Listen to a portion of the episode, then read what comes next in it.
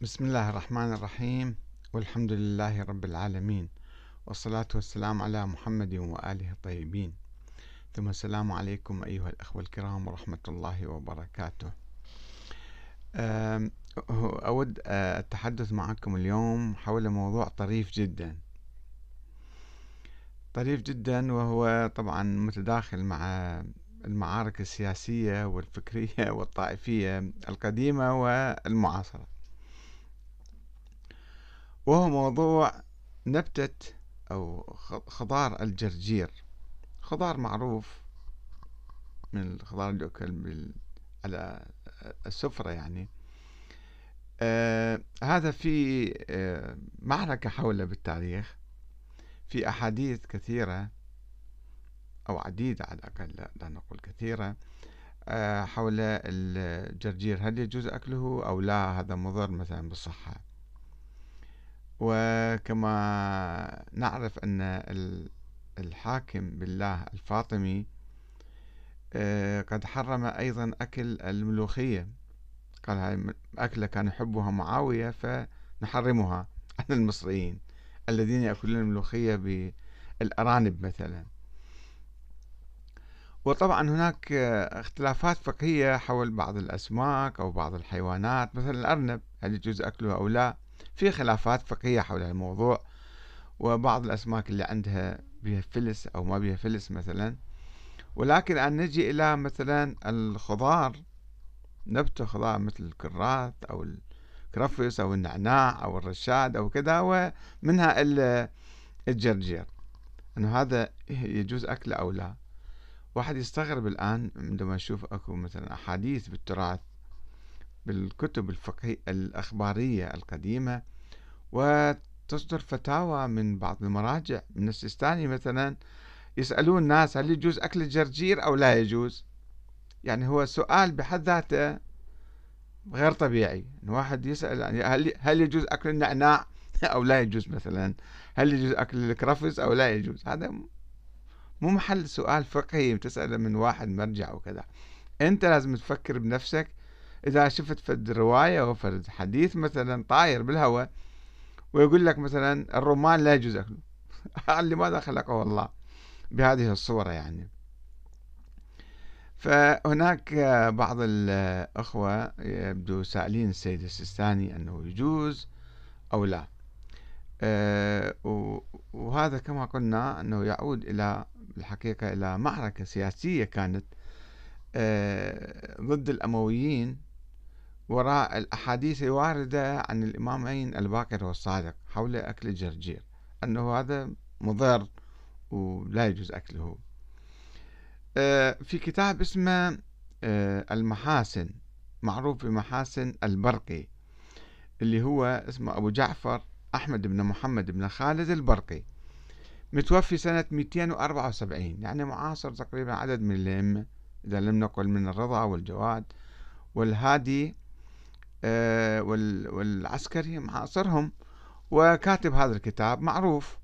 يعرف كتابه باسم محاسن البرقي. وهذا كتاب مصدر من مصادر الكتب الحديثية اللي نقلوا عنه بعدين آه، سواء الكافي أو غيره بحار الأنوار والكتب كلها تنقل عن هذا الشخص. هذا جامع أحاديث في ذاك الزمن الأول. متوفي سنة 274 كما قلنا هجرية. نقرأ بعض الأحاديث ونحاول أن أن ننظر فيها ربما نتفكه فيها بالحقيقة. يعني هي ما تحتاج فكر أو تحتاج بحث أو تحتاج مثلا تحقيق.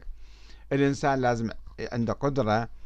كل إنسان قدرة عنده على الاجتهاد وعلى النظر وعلى التفكير. مو كل رواية تيجي يصدق بها ويأخذ بها ولكن بعض المشايخ كما سنرى مثلا لا يصدقون ومتمسكين فيها. حتى الآن حتى الآن هسه تحدث عن السيد آه، شبر مثلا في الكويت هو يقول إيه نعم صحيح. خلينا نقرأ بعض الأحاديث وهي أحاديث متناقضة طبعا أحاديث مع وأحاديث ضد. باب الجرجير في كتاب المحاسن عن السياري. عن أحمد بن الفضيل عن محمد بن سعيد عن أبي جميل عن جابر عن أبي جعفر عليه السلام. قال الجرجير شجرة على باب النار. طبعا الرواة ما يحتاج نبحث في سندهم. في سند الروايات لأن بعضهم مجهولين وبعضهم ضعفاء وبعضهم كذابين وبعضهم مغالين. راوين هاي الرواية جاية الآن في كتاب المحاسن. ومنه عن اليقطيني بالمحاسن يعني. أو غيره عن قتيبة بن مهران عن حماد بن زكريا عن أبي عبد الله يعني الإمام الصادق المرة. قال قال رسول الله صلى الله عليه وسلم أكره الجرجير وكأني أنظر إلى شجرتها نابتة في جهنم وما تضلع منها رجل. يعني أكل كثيرا. بعد أن يصلي العشاء إلا بات تلك الليلة ونفسه تنازعه إلى الجذام. وفي حديث آخر من أكل الجرجير بالليل ضرب عليه عرق الجذام من أنفه وبات ينزف الدم. الناس كلهم يأكلون الجرجير مصي بهم الحالات هذه. آه الواقع يكذب هذا الحديث يعني. وضرب آه عرق الجذام كناية عن تحرك مادته هذا المفسر دي يفسر الرواية. لتوليده أبخرة حارة توجب احتراق. هو شوية حار يعني. من الخضروات الحارة يعني.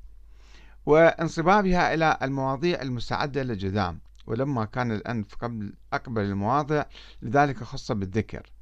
ليفسر هذه الرواية. عن المحاسن أيضا عن علي بن الحكم عن مثنى بن الوليد.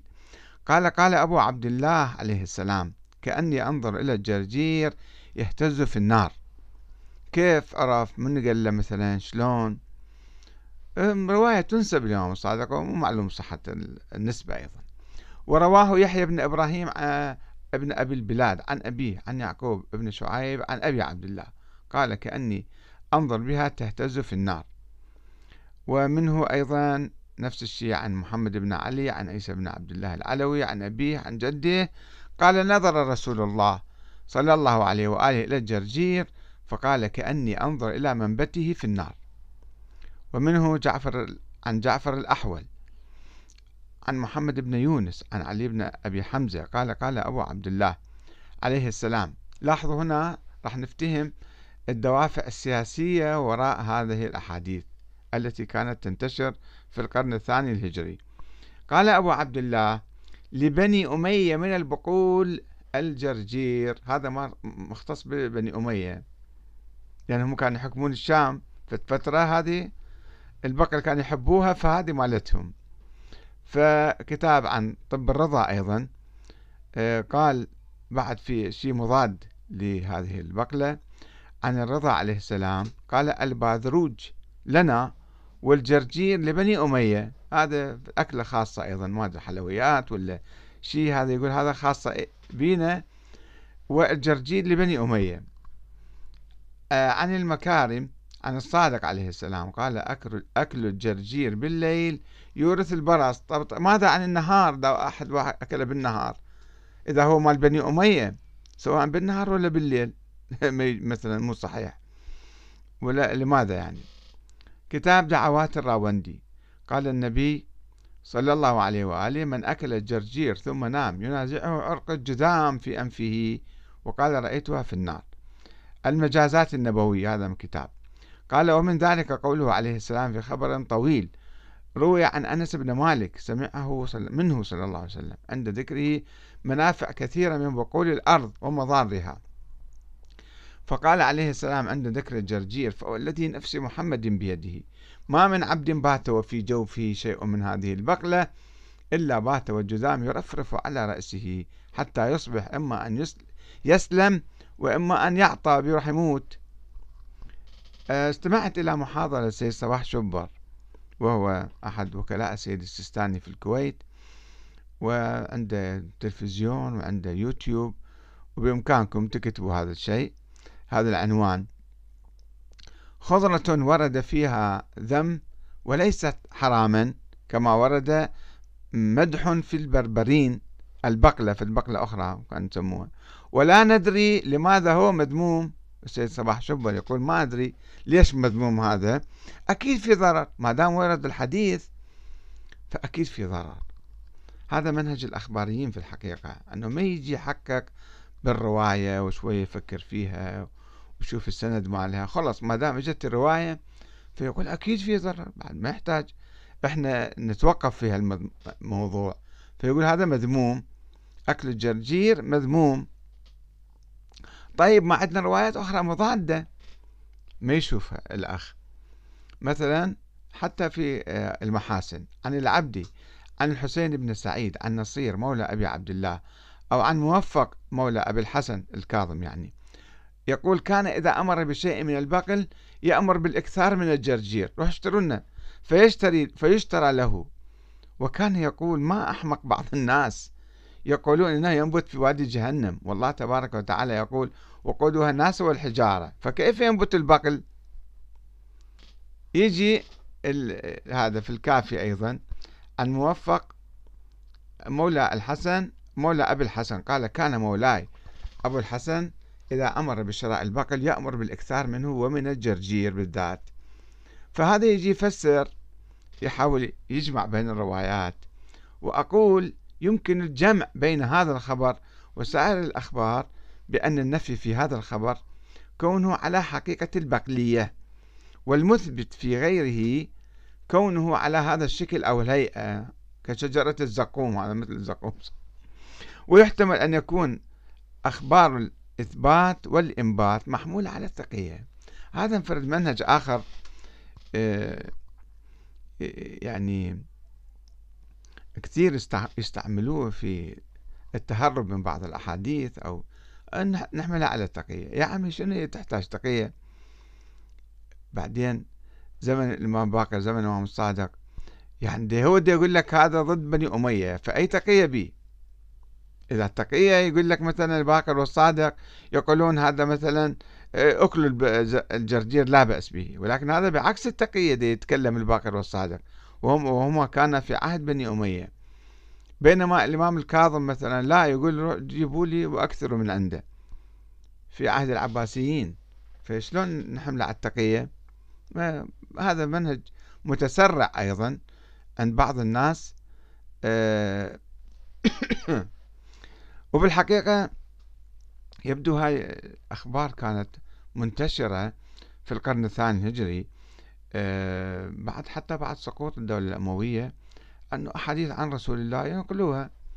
فيجي واحد من الشام شامي يروح إلى المدينة يسأل الإمام مالك. سؤال واحد ويرجع. فيقول له ما رأيك بأكل الجرجير بعد محتار هذا الإنسان؟ مسكين يعني. أنه الجرجير بالتالي إحنا يجوز أكله ولا ما يجوز؟ فيجيبه الإمام مالك فيقول له لا بأس. ما, ما في إشكال. شنو في إشكال يعني؟ والآن يجون ناس كما رأينا يجون يسألون السيد السيستاني مرجع الشيعة الكبير آه، أنه والله شنو رأيك بأكل أكل الجرجير؟ يعني ما يحتاج فتوى ما يحتاج واحد يقول لهم إي والله يجوز أكل الجرجير. كان لازم واحد بالحقيقة يجاوبهم أي مرجع أي عالم أي فقيه ينبغي أن يجاوب الناس عمي شنو أنتم قاعد تسألون عن الموضوع؟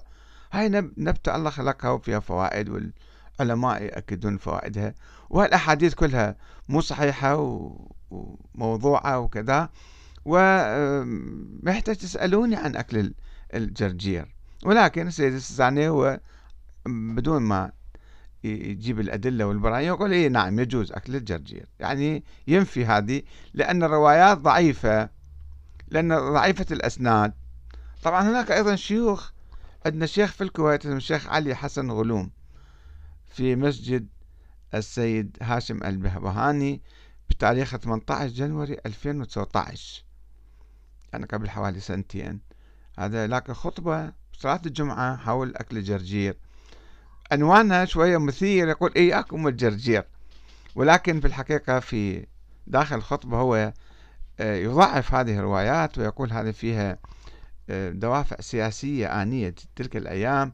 وإحنا ما يجوز لنا نعول عليها أو ناخذها أو شيء ونعمة ما فعل هذا الشيخ العاقل اللي بالحقيقة يعني المشكلة في المناهج المناهج العلمية أو مناهج الاجتهاد أنه بعض الناس يأخذون الأحاديث هكذا مثل السيد صباح شنبر أكيد فيها ضرر ما دام وردت أحاديث ما يروح يبحث بالأحاديث ويحقق فيها ويدقق. مو شرط يكون واحد مرجع أعلى أو مجتهد ما أدري كذا. يعني يعني لازم نتعلم إحنا آه، طريقة يعني التمييز بين الروايات الصحيحة والمعقولة وغير المعقولة. وهذه المشكلة في قضايا كثيرة خرافات أساطير تجينا وإحنا نأخذها بالتقليد أو نأخذها كأنها مقدسة ونؤمن بها ونرتب عليها أشياء كثيرة. مسألة الجرجير بسيطة عندنا مسائل أخرى أكبر من عندها مسألة وجود الإمام الغائب وولادته. صار 1200 سنة. غائب الله معينا لكي يقود الأمة الإسلامية وهو خايف من العباسيين. والعباسيين راحوا قبل 700 800 سنة وهو لا يزال خائف ومختبئ ولا يخرج. فهل هذا موضوع يعني يجوز التقليد فيه واتباع الناس أم أم لابد من إعادة النظر والاجتهاد والتفكير بحرية وموضوعية. والسلام عليكم ورحمة الله وبركاته.